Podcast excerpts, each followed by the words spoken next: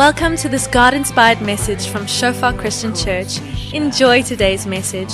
May you experience the presence of our Father and may you grow deeper in your relationship with Him. Oh Jesus, your En vanoggend gaan ons bietjie gesels oor gebed en heiligmaking. Ons het die laaste twee Sondag Sondag gepreek oor heiligmaking, Maria wat begin het met hierdie wonderlike die pad van heiligmaking. Dit is om tyd in God se woord te spandeer, om elke gedagte gevange te neem en om te dien en tyd saam met die gemeente te spandeer is hoe ons 'n pad van heiligmaking stap.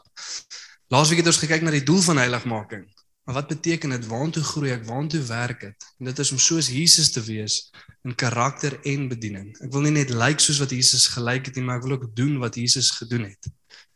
Ek wil nie net liefdevol wees nie, maar ek wil doen wat liefde doen. Ek wil die wêreld en die nasies gaan bereik vir sy koninkryk. En vandag gaan ons 'n bietjie kyk na gebed en heiligmaking, 'n heiligmaking van die hart. Maar voordat ek praat oor gebed, laat ek net ook eers vir ons bid. Ja, Here, dankie vir u goedheid, Vader. Dankie dat ons vanoggend hier kan wees, Vader. Dankie vir u gemeente, Here. Dankie vir mense wat woord bring, Vader, wat getrou is, Here, om te kom deel wat U op harte druk, Vader. Ek kom bid hierso, Here, dat elkeen van ons wat hierso sit, Vader, wat 'n woord het, 'n bemoediging het, Here. Enige manier om iemand anders aan te moedig tot liefde en goeie werk, Here, dat ons dit sal doen. Dankie dat ons nie alleen deur die lewe hoef te gaan, Here. U is by ons, Here, en U mense is by ons. Dankie Jesus dat U vir ons 'n weg gemaak het. En dankie Heilige Gees dat U in harte werk. In Jesus naam. Amen. So vanoggend uh, as ons bietjie kyk na gebed gaan ons kyk na half 'n konteks waarin Israel hulle self bevind, so half twee dele van geskiedenis en dan in daai konteks leer ons bietjie iets van die hart van die mens en hoe ons optree in sekere tye, spesifiek tye van swaar kry, spesifiek tye van wanneer 'n uh, goed nie lekker werk soos wat ons wil hê dit moet werk nie. Die eerste stuk skrif is Jeremia 29 Ek dink van ons is al bietjie familier met dit. Val vers 11, dit was op enige ding wat Christen kon lyk ge, geplak of ge um, gestiker of getag. Ek weet die planne wat ek vir jou het sê die Here, planne vir voorspoed, nie teëspoed nie, vir hoop en 'n toekoms. Ons ken daai vers, ons het dit al iewers op 'n boek gesien of 'n koppie geplak. Ehm um, maar ook om te kyk waarin vind daai vers sy konteks, wat is besig om daar te gebeur? En op daai oomblik is die Israeliete in ballingskap. Die Here het hulle weggevat uit hulle eie land uit deur koning Nebukadneser van die Babiloniese ryk en hulle is daar so omdat hulle die Here verloon het. Hulle het van hom af wegbeweeg, hulle het ander gode begin aanbid en hulle het ook die armes onderdruk. En ja, al drie van daai goeders is ewe belangrik vir die Here. Dis al hier waar hulle die armes onderdruk waar God eintlik die lyn trek en sê okay, nou is genoeg genoeg. Maar nou gaan ek julle wegvat na 'n ander land toe. En dit is wat besig is om te gebeur en hulle is in ballingskap. En dan gaan ons ook kyk na 'n klein stukkie van Sagaria 13. Julle kan dit neerskryf. Sagaria 13 as 'n bietjie later as jy by die huis is, die konteks wil gaan lees en kyk wat daar aangaan. Maar dan is dit nou die groep mense wat uit ballingskap is terug in Israel. So so 20 jaar na die Babiloniese ballingskap en hulle is nou vir so 20 jaar terug in Israel. En hulle is al klaar weer besig om te doen wat die ander gedoen het wat die ballingskap veroorsaak het. En dan leer ons bietjie iets van ons eie hart en gebeur en ek lag so elke keer as ek vir my vrou 'n storie van skrif vertel waar half dit lyk net of die mense nie wil leer nie. Dit dit gebeur net nie. Hulle maak dieselfde foute oor en oor en as my vrou sê ja, daai is daai is ons. Dis die mensdom. Dit klink bekend. Ons doen ook dit. Maar voordat ons inspring, ons ons gaan vir oggend 3 punte maak oor gebed. Die eerste een is dat gebed ons harte ontbloot. Die tweede een dat gebed ons harte reinig en die derde een dat gebed ons harte dring tot aksie. En voordat ons inspring wil ek vir ons 'n paar vrae vra oor ons gebedslewens. En die eerste een is hoekom bid jy? As Christen, hoekom bid jy? Iets om te ondersoek want as ons na ons eie gebedslewe kyk en ons bestudeer dit bietjie dan kan ons baie leer van onsself en van ons hart. Jy weet 'n interessante ding is die die gemiddelde Christen hierso in die in die westerse wêreld weet net hy moet bid. Dis maar hoe ver dit gaan. Ek verstaan ek moet bid, ek verstaan God beveel dit in skrif. Maar verder verstaan ek nie reg te veel oor gebed nie. En ek verstaan daar's dis voordelig vir my so. Ek doen dit so elke nou en dan. En as jy met meeste mense gaan gesels in die westerse wêreld oor hoekom ons bid, dan sê jy baie mensgesentreerde rede vir gebed kry. Sodat ek vir God kan sê wat ek kort, sodat ek uh, vrede kan ontvang, sodat ek vreugde kan ontvang, sodat ek vir God kan gaan sê wat ek kort, wat my pla. en waarmee ek sukkel. En ja, daai goeders is ook wat God vir ons sê, daar's ook redes vir gebed. Hy wil graag hê ons moet na hom toe kom en ons harte voor hom neerlê. Ja, hy wil graag hê ons moet ons bekommernisse voor hom neerlê. Ja, hy wil graag hê ons moet vir hom sê wat ons skort in hierdie lewe. Maar dis 'n primêre saak. En dan baie vinnig gaan raak die doel van gebed sou al vir die mens gesentreerd op die gemak van mens. Die doel van gebed is nie die gemak van mens nie. Maar die doel van gebed is die missie van God om te doen wat hy wil in hierdie aarde sodat ons kan bid jou koninkryk kom Here u wil geskied. U koninkryk kom. En dan 'n tweede vraag wat ek vir ons wil vra is waarvoor bid jy die meeste? Vir wat bid jy die meeste? As jy nou kyk na jou gebedslewe miskien die gebrek aan gebedslewe dit wys ook vir ons seker goed van ons harte. Nie altyd lekker om te erken nie maar ons is die mens. Is maar meestal so. Maar waarvoor bid jy die meeste As jy na jou gebedslewe kyk en jy met persentasies daarso sit. Waarvoor bid jy die meeste? Vir wie bid jy die meeste? Nog 'n vraag. As jy terugdink aan jou lewe, watse tye van jou lewe was daar regtig 'n oorvloed in gebedstyd? En watse tye van jou lewe was daar gebrek aan gebed? En dan ook die rede hoekom? Hoekom het ek op daai tyd so baie gebid? Hoekom het ek op daai tyd so min gebid? Wat het daar gebeur? Wat is dit wat my dryf? Want as ons die vraag vra hoekom, wat en waar van ons gebedslewe dan wys dit vir ons so 'n bietjie iets van ons harte. So terwyl jy reflekteer op jou eie gebedslewe, hoekom jy bid, waarvoor jy bid, vir wie jy bid. Kom ons gaan lekker deur hier vanaand vanaand en ag vanoggend en kyk wat ons hieruit kan leer. So ons lees in Jeremia 29 vers 1 tot 14 die volgende. In die konteks is dat 'n profeet nou net opgestaan, die profeet Hanania. Hy het na die Israeliete toe gekom en gesê moenie worry nie, julle gaan nie 70 jaar lank hier wees nie, net 2 jaar. Ons gaan net 2 jaar hier wees. Die Here gaan die juk breek en dan gaan hy ons terugvat na Israel toe. En die Here sê toe nee, dis nie so nie. En om dit vir julle te wys, sal die profeet Anania doodgaan oor 6 maande was hy toe dood gewees. En gesê die hulle gaan eintlik 'n bietjie langer as dit daar bly. En toe hulle die nuus hoor van 2 jaar toe ewe skielik wil Israel bid en die Here loof en die Here prys want iets goeds gaan nou gebeur. En dan kom wys die Here vir ons ietsie van die hart van mens in hierdie stuk skrif. So kom ons lees lekker saam. Jeremia 29 van vers 1 tot 14. Dit is 'n afskrif van die brief wat die profeet Jeremia uit Jerusalem gestuur het na die leiers van die Balinge wat nog oor was en na die priesters en die profete en die hele volk wat deur Nebukadneser uit Jerusalem na Babel toe weggevoer is. Jeremia het die brief gestuur nadat koning Jojagin en die koningsmoeder, die paleispersoneel en die amptenare van Juda en Jerusalem, die ambagsmanne en die bouers uit Jerusalem weg is. Jeremia het die brief gestuur met Elisa seun van Safan uh, en met Gemarsja seun van Gilkai wat deur koning Zedekia van Juda na koning Nebukadneser van Babel toe gestuur is. Interessante name as jy verwagtend is nie, soek 'n naam vir 'n seun of so. Daar's 'n paar interessante eenes vir jou. So sê ek, die Here die Almagtige, die God van Israel, vir al die balinge wat ek uit Jerusalem in ballingskap na Babel toe weggevoer het. Bou vir julle huise en bewoon dit, lê tuine aan en eet die opbrengs daarvan. Trou en bring kinders in die wêreld in en laat hulle trou en kinders in die wêreld bring.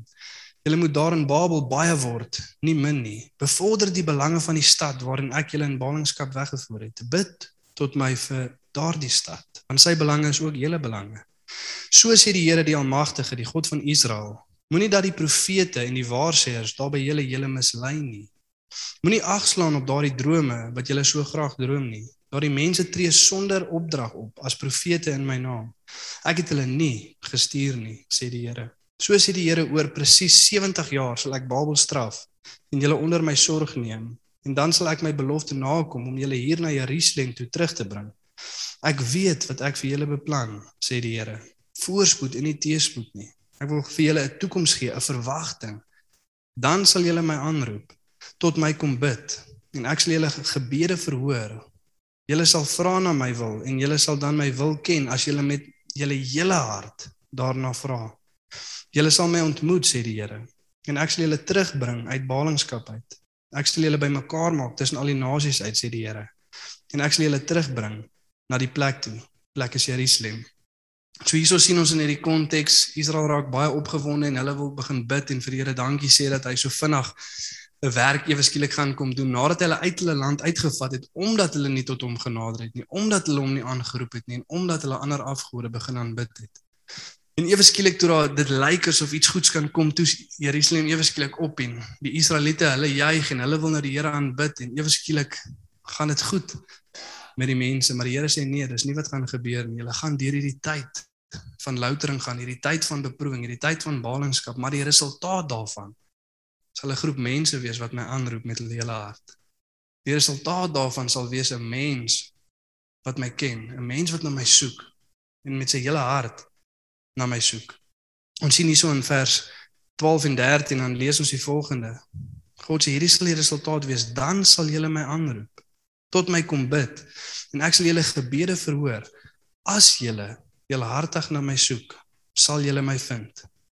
Sal julle my vind en om dit sterk te vertaal wat die Here daarso besig is om te sê in Hebreëus, ek sal myself deur julle laat vind. Ek sal myself deur julle laat vind. Ek sal die genade gee. God is altyd die een wat eers te werk, maar ek sal 'n werk in julle harte doen sodat julle my kan vind en met 'n opregte hart na my toe nader. En ons weet ook die Nuwe Testament sê vir ons die grootste gebod is wat? Om die Here ons God lief te hê met ons hele hart, hele krag, julle siel, julle verstand, julle mag met alles in ons God te soek. En die Here sê vir ons hierso as ons om met ons hele hart soek, dan sal ons hom kry. En ons kan dit ook vertaal as 'n opregte hart of 'n rein hart. As ons God met 'n opregte hart of 'n rein hart soek, dan sal ons hom kry. Ons lees in Hebreërs 10:22 net nadat dit praat van die werk wat Jesus kom doen het op die kruis, dan sê dit en laat ons tot hom nader met 'n opregte hart 'n hart gereinig van 'n gewete wat ons aankla. Maar laat ons met daai hart God eh, nader. En dan per definisie as die skrif sê ons moet God met ons hele hart soek, dan beteken dit ook ons kan God net met 'n gedeelte van ons hart soek. En ons sien dit so baie en ons ervaar dit so baie in ons eie lewe. En die Here sê daar 'n opregte hart, 'n rein hart wat hom met sy hele hart soek, is iets wat God soek. En jy sal my soek met julle hele hart en dan sal julle my kry. Nie wat God kan gee nie, nie wat God kan doen nie. Ja, daai goed kom altyd saam. Maar God sê as julle my soek, dan is dit 'n rein en opregte hart. 'n Verdeelde hart wat net met 'n sekere deel God soek, is ook nie regtig op soek na die hart van God nie, maar na die hande van God. Jesus, Here, ek wil hê u, u moet iets vir my kom doen. En ons sien dit hier in die lewe van die Israeliete toe dit goed gaan toe hulle in die beloofde land was dan roep hulle nie die Here aan nie, want ons is nie regtig besig om God te soek nie. En ons ook nie iets wat ons regtig van God nou wil hê nie. So hy kan maar een kant sit en wag totdat ons weer iets kort. Al soos 'n vending masjien. Ons het nou 'n pakkie chips en 'n blikkie Coke. En totdat ons pakkie chips en blikkie Coke nie op is nie, gaan ons nie weer na die vending masjien toe gaan nie. Sê hulle met my. Sê dit baie keer ook aan mentaliteit as dit kom tot gebed. 'n Verdeelde hart. En hier is die Israeliete en hulle wil graag nou weer God soek en hulle wil graag nou weer God aanroep want hulle wil teruggaan na die beloofde land. Hulle wil nie so graag God hê as die land wat hy vir hulle gegee het nie. Here ons wil hê u moet iets vir ons kom doen. En ons sien dit so baie in ons eie lewe ook vir die van ons wat nou al 'n tyd lank in die gemeente is of by 'n selgroep was of by enige gemeenskap van gelowiges aangesluit was dan sien ons die tragiese gebeurtenisse, 'n familielid kom of 'n vriend kom of iemand kom en ewe skielik lyk dit of hulle vurig die Here wil dien. Jesus en daar's oorgawe, man, hulle is by elke kerkdiens, elke selgroep, elke intercession en voorbidding, daar is hulle. Maar soos wat ons luister na die hart en wat die gebedsversoek is, dan is daar altyd so een dingetjie wat bietjie alles oorheers. Die man kom eers man as jy net saam met my kan bid vir daai trouvrou van my. Jy lê met my.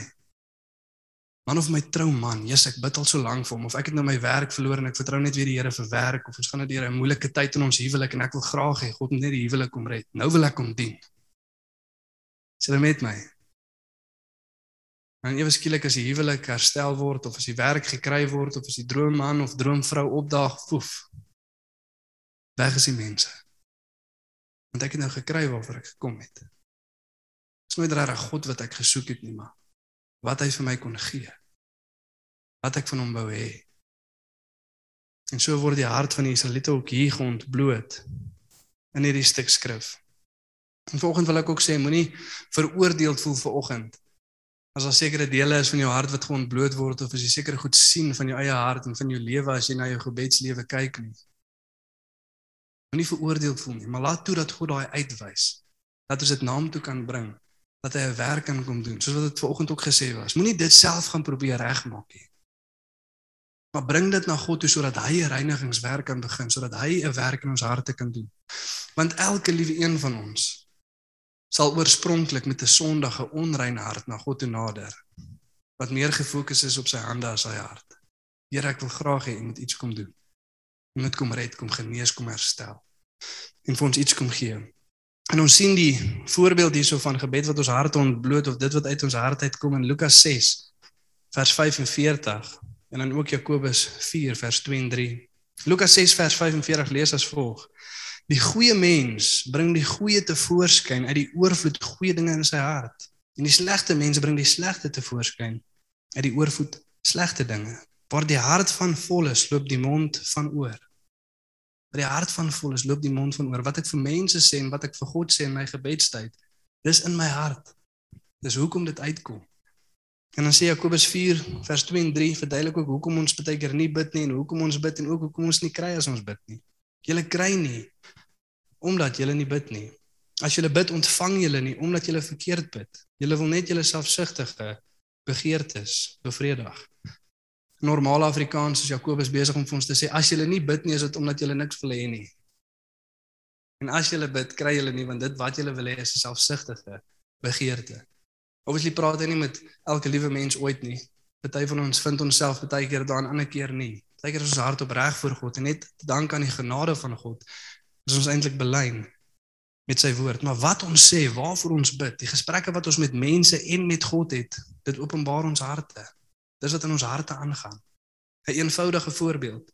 Wie ken iemand wat rugby in sy hart het? Julle met my. Want hy praat rugby. Val nou dat die bokke so gereeld wen. Nou is die hart eers vol van rugby. Rugby. Of is 'n seun of 'n meisie verlief raak op hy nuwe kerel, by 'n nuwe meisie jong, dan is die hart vol van daai persoon en hulle kan net nie ophou oor hulle praat nie. Meisneste. Hulle self 'n fotootjie of twee wys. Maar die hart is vol van dit en dan kom dit uit die hart uit. En baie keer ons as Christene ook aan het ons gesprekke met mekaar of 'n broer of 'n suster kom spreek ons aan en sê hy wie aan die ding wat ek in jou lewe sien is nie reg nie.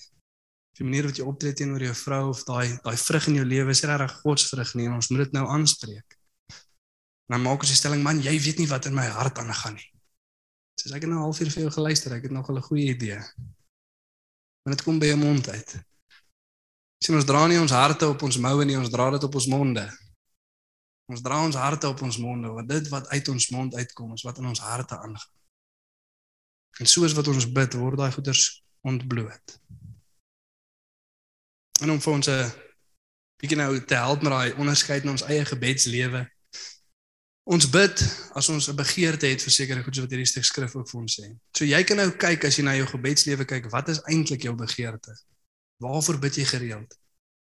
Is jy konstant besig om te vra vir God en sy teenwoordigheid en sy wil in jou lewe want dan is dit jou begeerte, Here om U te ken, om by U te wees, om U wil aan my te openbaar. Dis wat ek wil hê. Dis hoekom dit deeltyd by my mond uitkom. Of bid ek, Jesus Here daai nuwe werk of Here verlos my net van hierdie ballingskap in Sekunda. Daar's baie mense wat so bid. Vat my weg van Sodom en Gomorra, hierdie plek van die rook en die vuur. Wat is dit wat jy bid want dit sal jou hart openbaar? Die begeertes wat ons het. En nog 'n voorbeeld vertroue, geloof en afhanklikheid. Elke liewe area in my lewe waar ek geloof in God het, vertroue in God het en afhanklikheid aan God het, daar sal ek bid. Want as ek afhanklik van hom. Ek kan vir julle nie sê hoe baie keer ek moet bely as ek in 'n preek moet werk nie. Ewesklik kom ek agter, jong, nou wil ek baie bid. Moet ek vir die Here sê, "Jesus Here, maar die bediening besig om my hart te steel want nou moet ek voor mense staan en woorde sê en ewe skielik voel ek afhanklik. Maar as maandag kom en ek moet voor niemand staan en bedien nie dan dan bid ek nie so baie nie want nou is ek nie meer so afhanklik nie. Jammer oor dit, Here. Dat ek kan sien my hart word on, ontbloot voor God. Dan moet ek gaan bely vir vergifnis vra sodat God 'n werk kan kom doen in my. Maar elke area waar ek afhanklikheid sien en verstaan waar ek geloof in God het dat hy kan werk, daar bid ek. En dan ook elke area wat ek 'n liefde vir het, elke persoon wat ek voor omgee. As ek regtig verstaan en ek het regtig geloof dat God werk deur gebed en ek is lief vir my vrou, dan bid ek vir my vrou. As ek regtig omgee oor my huwelik en ek verstaan God werk deur gebed, dan bid ek vir my huwelik. Is julle met my? Dit is baie keer 'n ongemaklike waarheid, maar 'n waarheid nie te min. As jy nie vir jou huwelik bid nie, dan gee jy of nie so baie om oor jou huwelik nie, of jy glo nie regtig God kan werk deur gebed nie, of jy dink jy kan dit in jou eie krag doen. Enige een van daai is nie 'n goeie plek om te wees nie. Maar as ek regtig verstaan dat God werk deur gebed en ek gee regtig om oor my huwelik, dan bid ek vir my huwelik. Here kom werk. Here kom lei. Here kom reinig. Is julle met my? As ek regtig 'n hart het vir die mense wat God nie ken nie, familie, vriende, en ek verstaan dat God werk deur gebed en hy wil hê ek moet vir hulle bid, dan bid ek vir hulle. Maar so ontbloot gebed ons hart en dit wys waar dit is. As jy hoofsaaklik bid en hoofsaaklik jou lofprysing self kan jy ook deel sien van dit. As dit net in die publiek gebeur, wat wys dit van ons harte? Ons lewe om mense te bevredig en vir hulle te wys hoe oulik ons is geestelik. Maar as ons gebedslewe primêr privaat voor God floreer en daarsoos ek besig met lofprysing voor God konstant, dan soek ek mos 'n lewe wat God wil bevredig. Dan lewe ek vir die een waar as niemand sien nie. So die skrif sê as jy bid, maak jou maak jou binnekamer se deur toe. En hy wat sien in die geheim sal jou beloon in geheim. Wat wys jou gebedlewe van jou vir oggend? Wat is nou punt nommer 1 toe? Heiligmaking van die hart, gebed ontbloot ons harte. En weer eens ons gaan nou by die goeie nuus kom. Altyd 'n ongemaklike ding as ons ons eie gebedslewe bestudeer. Want 1 Johannes 1 vers 8 sê vir ons dat ons het sonde en een wat sê hy het nie sonde nie bedrieg homself en die waarheid is nie in hom nie. Daar's altyd ietsie iewers uit lyn uit. Dat dit dan kan die genade van God kan hy kom en 'n reinigingsproses in ons kom veroorsaak. Maar 'n goeie punt wat hierdie illustreer is in die 1900s wou hulle gebed uit die skole in Amerika uithaal. Dit het al 'n paar keer gebeur spesifiek Christendom wat mense uit skole uit wil vat en spesifiek ook gebed. En toe sê die een nou nou net om hierdie punt te wys van die mens en hoe ons baie keer God aanroep as ons regtig help kort. Sê hy daar sal solank as wat daar wiskunde toetse in skole is, sal daar gebed in skole wees. Julle met my? Solank as wat daar wiskunde toetse geskryf word, sal daar gebid word op 'n skool. Ek dink party van julle dink nou terug aan daai dae en jy sien daai vraestel voor jou. En al wat jy kan uitkry is Here help. As U my deur hierdie een dra, volgende keer beloof ek ek sal leer. Die volgende keer gebeur dit ook nie, maar daai gebed word gesê. Dit is wat die mensdom doen. Dit is nog nooit die mens slim nie. En so ook in die oorlog, Wêreldoorlog 2, gaan die soldate in en daar's 'n spesifieke groep mense en jong hulle het rustigheid oor hulle self. Hulle vra wat gaan aan met julle? Is julle nie gebestres of bekommerd nie? Hulle sê nee, ons het nie regtig gevrees vir die dood nie. Ons is Christene. Die dood is 'n voordeel van oorlog. En dan kan ons vroeër by ons Skepper wees.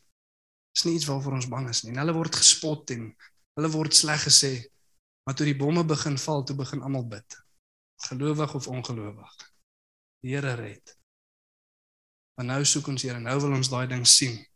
Wat moet gebeur?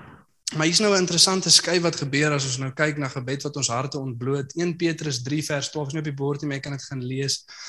Dit sê die Here se ore is oop vir die gebed van die geregtige. Die Here luister na die gebed van die geregtige. Die Here luister na die wat se se harte rein is. En sy kop is weggedraai of hy luister nie na die gebede van die ongeregtige nie. Hy luister nie na die gebede van die wat nie rein van hart is nie. Nou baie van ons vanoggend soos dit help nie ek bid nie, dis wat ek hoor. As Here nie luister nie en ek kan hierdie goed sien in my hart, wat help dit dan ek bid? Psalm 24, 3 en 4. Wie kan by die berg van die Here opklim? Wie kan in sy teenwoordigheid staan? Die een wat 'n skoon hande en 'n rein hart het. Ek dink ons Jesus Here, dis problematies. Jesus is in die moeilikheid. Hoe gaan ons dit dan nou regkry? Hoe gaan ons dan nou tot God nader? Maar hier is die goeie ding. God kom doen 'n reinigingswerk in harte. Elke moeilike ding wat ons beleef, elke keer as ons deur die vuur gestuur word, elke keer as God sien die Israeliete se harte is nie rein nie en hy vat hulle in ballingskap weg sodat hy 'n louteringswerk kan doen, sodat harte gereinig kan word, sodat wanneer ons hom aanroep, hy na ons kan luister. 'n Mooi werk. En soos wat ek sê, meeste van ons, daai eerste keer as ons tot God nader, is dit nie uit 'n plek van opregte hart wat net God soek nie. Dis 'n besigheid wat vou, 'n werk wat verloor word, 'n huwelik wat dit nie maak nie. Iewers daarso is 'n hart wat uitroep na God of Ek dink baie tot tot bekering gekom seker in 'n eindeksamen wiskunde vraestel dan ook. Maar dan is dit wanneer ons tot God uitroep en God bring eintlik daai goed oor ons pad sodat ons gereinig kan word. Kyk hierson Sagaria 13 vers 8 en 9. 20 jaar nadat Israel in die land terug is, nadat hulle uit ballingskap af teruggekom het, die konteks is hulle sal klaar weer besig om afgode te aanbid. Hulle sal klaar weer besig om weg te beweeg van God. Hulle sal klaar weer besig om die armes te onderdruk. En dan sê die Here die volgende: Dwars oor die land sê die Here sal 2/3 van hulle uitgeroei word en omkom. Dis nog harde woorde. Daar sal net 'n derde van hulle oorbly in die land en die derde sal ek met vuur louter, soos silwer gelouter word. Ek sal hulle suiwer soos goud gesuiwer word. Hulle sal my aanroep en ek sal hulle gebede verhoor. Ek sal sê hulle is my volk en hulle sal sê die Here is ons God. En kyk, is harde woorde, maar kan jy die liefde van God sien? Hy sê alweer, julle is net 20 jaar terug en julle is alweer besig om weg te beweeg van my maar ek sal nie opgee op julle nie. Ek sal julle weer deur vuur stuur. Ek sal julle weer louter sodat die eindresultaat weer kan wees dat mense my aanroep in gebed, sodat ek 'n reinigingswerk in harte kan doen, sodat julle kan sê ek is julle God en sodat ek kan sê julle is my volk. Maar die Here gee nie op nie, hy hou aan. Maar hy louteringswerk en dit gebeur elke keer deur ons lewe. Dan klink dit vir ons erg. Maar ek sê volgens julle daar's geen meer genadigelike ding wat God vir ons kan doen om die goed in ons lewe te verwyder waaraan ons vashou wat ons voor hom stel nie wat ons weghou van hom af nie dis 'n genadige ding van God om daai te kom verwyder sodat ons kan sien wat ons in Christus alleen het sodat ons kan uitroep op sy naam want wat as die vuur nooit gekom het nie en hy het sy naam nooit aangeroep nie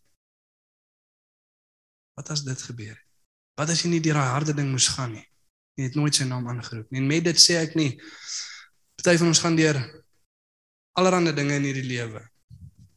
En ek sê nie dit wat buite God se woord is. God het nie jou jou huwelik kom vernietig sodat jy sy naam kan aanroep nie. Ons het dit sommer by onsself reg gekry. Wat is die effek van sonde in ons lewe? Maar God verwoes nie huwelik sodat jy sy naam kan aanroep nie. God stuur niks buite sy wil oor jou lewe sodat hy sy naam kan aanroep nie. Hy doen nie dit nie. Ons moet eienaarskap vat van daai goeders. En ons moet dit voor die Here bring, maar hy is regverdig en getrou en hy sal reinig en vergewe en hy sal 'n werk in ons lewe doen sodat ons aan die ander kant kan uitkom. Maar beproewing ja. Dit stuur hy oor ons lewe. Sodat geloof gekweek kan word, sodat geloof eg kan word. Dit is wat God keer op keer vir ons sal kom doen. En ek moet volgens vir ons sê as ons gelowiges is en ons is besig om te groei, volwasse te word in geloof, dan wag ons nie tot die vuur kom voordat ons tot God nader met alles wat in ons harte aangaan nie. Sien met as daai moeilike tye kom en word harte ontbloot, dan sien ons wat eintlik besig is om aan te gaan. Maar as ons volwasse word in Christus, wag ons nie tot die vuur kom voordat ons ons harte na God toe vat nie.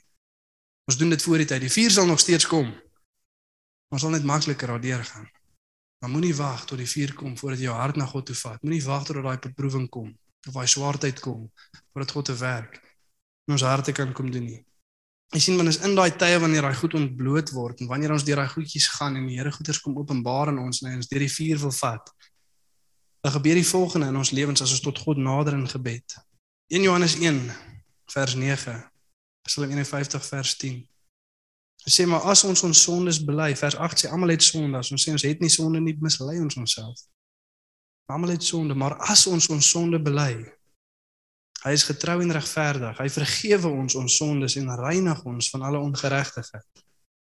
As ons daai hart na God toe vat, as ons sien, dis maar ek sê vanoggend, moenie veroordeeld voel nie, maar as jy sien daar's 'n deel van jou lewe wat iets anders prioriteer, prioritiseer bo God, of daar selfsugtigheid of was enige suits, vat dit na God want hy is regverdig en getrou. Hy sal jou vergewe, hy sal jou hart reinig en hy sal jou van alle ongeregtigheid reinig. Dawid het dit verstaan. Psalm 51 vers 10 Na Dawid se siklus van sonde saam met Batseba, haar man laat vermoor, allerlei rowwe dinge gebeur en toe daar profeet Nathan na hom toe kom en sy hart kom ontbloot en vir hom kom wys wat eintlik aangaan. Toe bid Dawid en sê skep vir my 'n rein hart o God, want ek kan daai rein hart myself nie skep nie. Skep in my 'n rein hart o God, vernuwe 'n gees en maak my standvastig. Bring daai hart na God, laat hom toe om my werk te kom doen. Want dit is net hy wat dit kan kom doen. Dis een van die grootste leuns wat die vyand aan ons verkoop en dis dieselfde as wat hy net gedeel het voor die tyd. Is maak gou eers jouself reg voordat jy na God toe gaan. En as ons wag totdat ons self reg is voordat ons na God toe gaan, sal ons nooit na God toe gaan nie. See Spurgeon het gesê heiligheid is nie die pad na Christus toe nie, maar Christus is die pad na heiligheid toe. Holiness is not the way to Christ, but Christ is the way to holiness. Jy maak jouself nie heilig en dan is God tevrede met jou nie. Dis nie hoe dit werk nie. Maar as ons hom nader soos ons is, dan doen hy 'n werk in harte wat ons dan heilig maak. Dit vat ons na punt nommer 2 toe. Heiligmaking van die hart gebed reinig ons harte. En is hier waar ons die evangelie moet verstaan. Want ons almal is in sonde gebore. Ons almal is nie geregtig nie. Ons almal het onreine harte en God sê ek kan na daai gebed nie luister nie. Ek is 'n heilige God. Ek kan nie ek kan nie na daai gebed luister nie. Ek kan nie daai gebed verhoor nie. Dan stuur hy sy seun sonder sonde om vir ons te kom sterf wat sonde is. Sodat as ons bid, hy ons kan reinig sodat ons gebede kan verhoor. As jy met my volgend. 'n Heilige God wat so graag jou gebed wil verhoor dat hy sê as jy met jou onrein hart tot hom nader, sal hy vir jou 'n rein hart gee sodat hy na jou kan luister as jy sy naam aanroep. Wat is die evangelie? Maar ek kan dit myself nie doen nie. En as ek ongeregtigheid in my hart sien, dan verstaan ek as ek dit na God toe vat, dan vergewe hy my. Hy reinig my van alle ongeregtigheid. Te dank aan Jesus Christus op die kruis. Dat wanneer ek bid, hy na my luister. Wat 'n gedagte. Wat 'n gedagte. Dat elke keer as ek na God toe gaan en sê Here, ek kom al weer agter U is nie eerste in my lewe nie en sê ek het my seun gestuur. Ek vergewe, ek reinig. En ek hoor jou gebed. Ek sal 'n passie vir my binne in jou opkweek. Ek sal myself deur jou laat vind. Ek sal jou hart bely.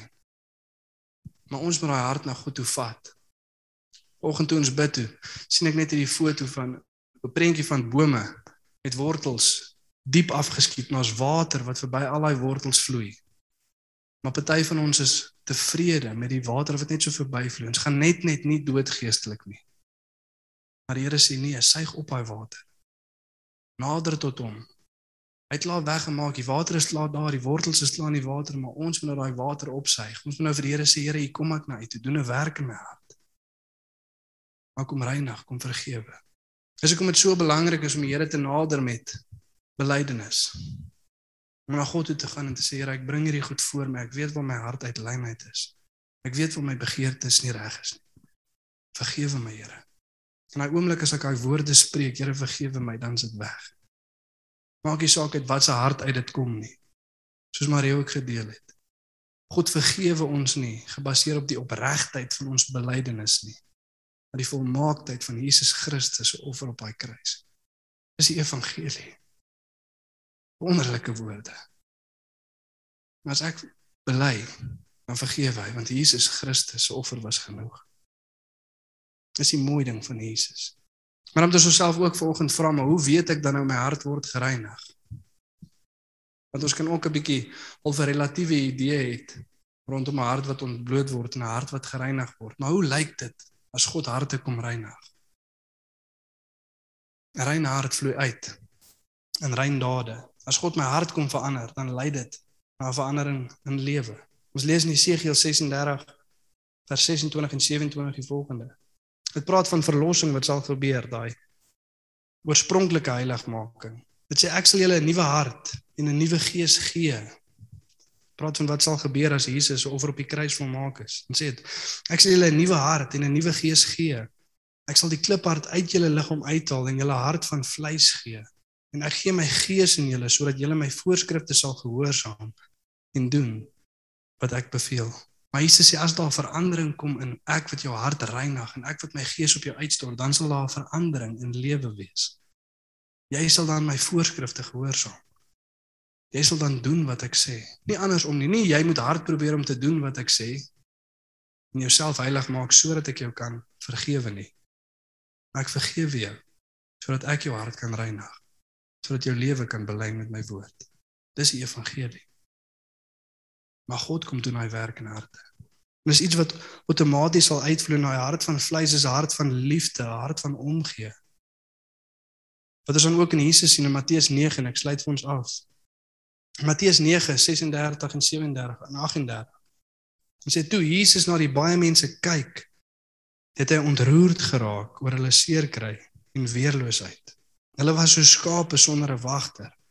Daarop sê hy vir sy disippels, die oes is groot, maar die werkers is min. Eer die oes is die Here se en vra hom dan om werkers vir sy oesland te voorsien. Bid dat die Here werkers in die veld in sal stuur. Omdat Jesus ontroerd was, omdat daai hart 'n hart vir mense was, omdat hy verstaan het gebed werk en omdat hy 'n liefde gehad het vir die mense. Wat is die uitvloei? Bid dat die Here mense sal stuur in die oes in. Wat is nou die laaste punt volgende? Gebed dring ons harte na aksie. Gebed dring ons harte na aksie. Jy sien die resultaat of wat Jesus vir ons vra om te doen as ons kyk na hoe groot die arbeid is, hoe groot die oes is daar buite wat moet ingebring word. dan verwag ons al Jesus wat sê gaan. Die oes is groot, die arbeiders min gaan, maar hy sê nie gaan nie, hy sê bid. Want hy weet dat as ons tot God nader en ons doen daai werk in gebed dan sal Jesus harte kom verander wat harte uitstuur. Maar baie keer dan gaan ons uit en ons word mismoedig want ons kry nie die resultate wat ons gedink het ons gaan kry nie. Maar Jesus sê as jy bid en my toelaat om jou hart te verander, dan sal dit 'n ewigheidsvrug in jou lewe veroorsaak. As jy vanoggend hier sit en soos ons laasweek ook gesê het, jy moet groei in die bedieningswerk van Jesus, anders groei jy nie. Ons kan nie net groei in karakter nie, maar ons moet ook groei in bediening. En die bediening is om te gaan en disippels te gaan maak van die nasies, is om te gaan en die evangelie te gaan verkondig. En as jy vanoggend hier sit dit is moeilik vir jou om die evangelie te gaan verkondig of jy het nog nooit die evangelie gaan verkondig aan iemand nie. Begin hier. Begin deur te bid. Maar soos wat jy toelaat dat die Here jou hart kom vorm en reinig deur gebed en soos wat jy bid vir daai mense sal God 'n liefde in jou hart kom opwek vir die waarheid van sy woord en 'n liefde vir die wat nog nie God ken nie. En as jy na die gebrokenheid van hierdie wêreld kyk, sal jy nie kwaad raak omdat die mense verlore is nie, maar jy sal soos Jesus ontroer raak want hulle is weerloos en helpeloos soos skape sonder 'n herde. Met baie mense kyk na die regering en die mense om hulle langs soos kyk wat doen hierdie mense. Slaan nosel. Hulle is nie gelei deur God nie. Wat verwag jy? Hoekom verwag ons van mense wat nie God ken nie om soos Christene op te tree? En ons reaksie is nie om kwaad te raak en die vinger te wys nie, maar om die evangelie van Christus te gaan verkondig, die enigste goeie nuus wat mense kan skei van duisternis na lig. Maar daar is nie 'n ander oplossing nie. Om vir mense te gaan verkondig dat Jesus Christus red. Dit is wat ons moet doen. Ja Here, dankie dat ons vanoggend voor U kan kom en ons harte voor U kan kom bring, Vader. En soos dat ons ons eie gebedslewe ondersoek, Here, of U gebrek aan gebed, Here. Kom bid ek, Here, dat wat U knoppie sal kom druk, Here, dat U plekke sal kom uitwys, Heilige Gees, dat U sal kom beweeg, Here. En vanoggend, Here, as ons U hand op ons voel, Vader, mag ons nie wegkruip nie, Here, mag ons nie wegsteek nie, Here. Maar mag ons daai areas van ons harte voor U kom neer lê, Here, want U weet klaar. U weet klaar, Here. Nie te weggemaak, Here, sodat daar vergifnis kan wees deur Jesus Christus nie. Dis party van ons wat sit, Here, met bitterheid in ons harte, Here. Wat so vasgevang is, Here, in 'n lewe waar ons vir onsself moet sorg en onsself moet kyk en alles self moet doen, Here. En nie sê daai las hoef jy nie eers te dra nie. Maar laat gaan van jou selfsugtigheid en jou trots. Lê jou hart voor God neer sodat hy jou kan vrymaak. Hy wil vir jou sorg, hy's jou pa. Hy wil goeie goed vir jou gee, hy wil jou hart kom reinig. Hy wil jou kom losmaak om te doen wat hy jou geroep het om te doen. Maar vir dit gaan ons ons harte na God moet vat en in eerlikheid en opregtheid vir God gaan kleer en sê Here, hier is my hart. Ek kan nie eens onthou wanneer laas ek gebid het nie, Here as ek bid, bid ek vir die kos.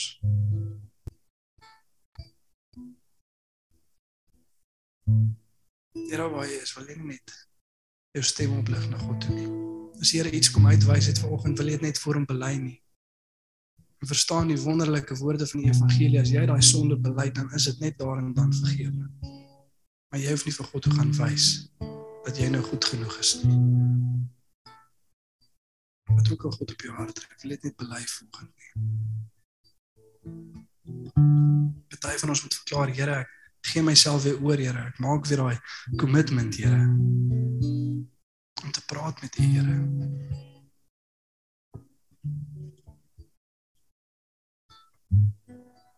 Ja Vader, vanoggend kom breek ons ook die leen van dooie godsdiens af, Here. Dat dit 'n werk is om te bid. Waar op aarde, Here, is dit 'n werk om met die Skepper van die heelal te praat wat sy lewe vir my kom neerlê het. Mag ons 'n begeerte hê om U te ken, Here. Nie te nader in gebed, Here. Dankie Here vir harte wat voor U neergelê is vanoggend Vader. Dankie vir sondes wat bely is, Here. Dankie vir vergifnis wat ontvang is. Ons kom bid Here dat ons mense sal wees wat bid, Here. Dat ons mense sal wees wat op ons knieë voor U is, Here. Ons harte voor U uitstort. vir ons eie lewens, maar dan ook vir die lewens van hier daar buite. Dankie vir u goedheid, Here. Dankie Vader dat U ook vanoggend sê dat elke liewe ding wat U kom wys het wat na harte aangaan, Here, is nie om ons te veroordeel nie. Is nie om vir ons te sê kyk nou, lyk jy gaan sit daar in die hoekie nie.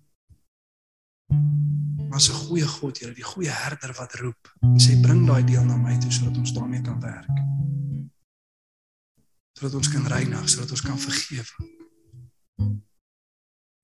Dankie vir u goedheid. Dankie Jesus vir u werk op die kruis. Heilige Gees, ons bid dat U ons sal kom lei deur hierdie week, Here. Soos wat Marie gesê het, Marie gesê het, Here, mag ons tyd saam met U spandeer, Here. Mag ons by U voete wees. Dankie vir die werk, Here, van reiniging wat daar gebeur in Jesus naam. Amen.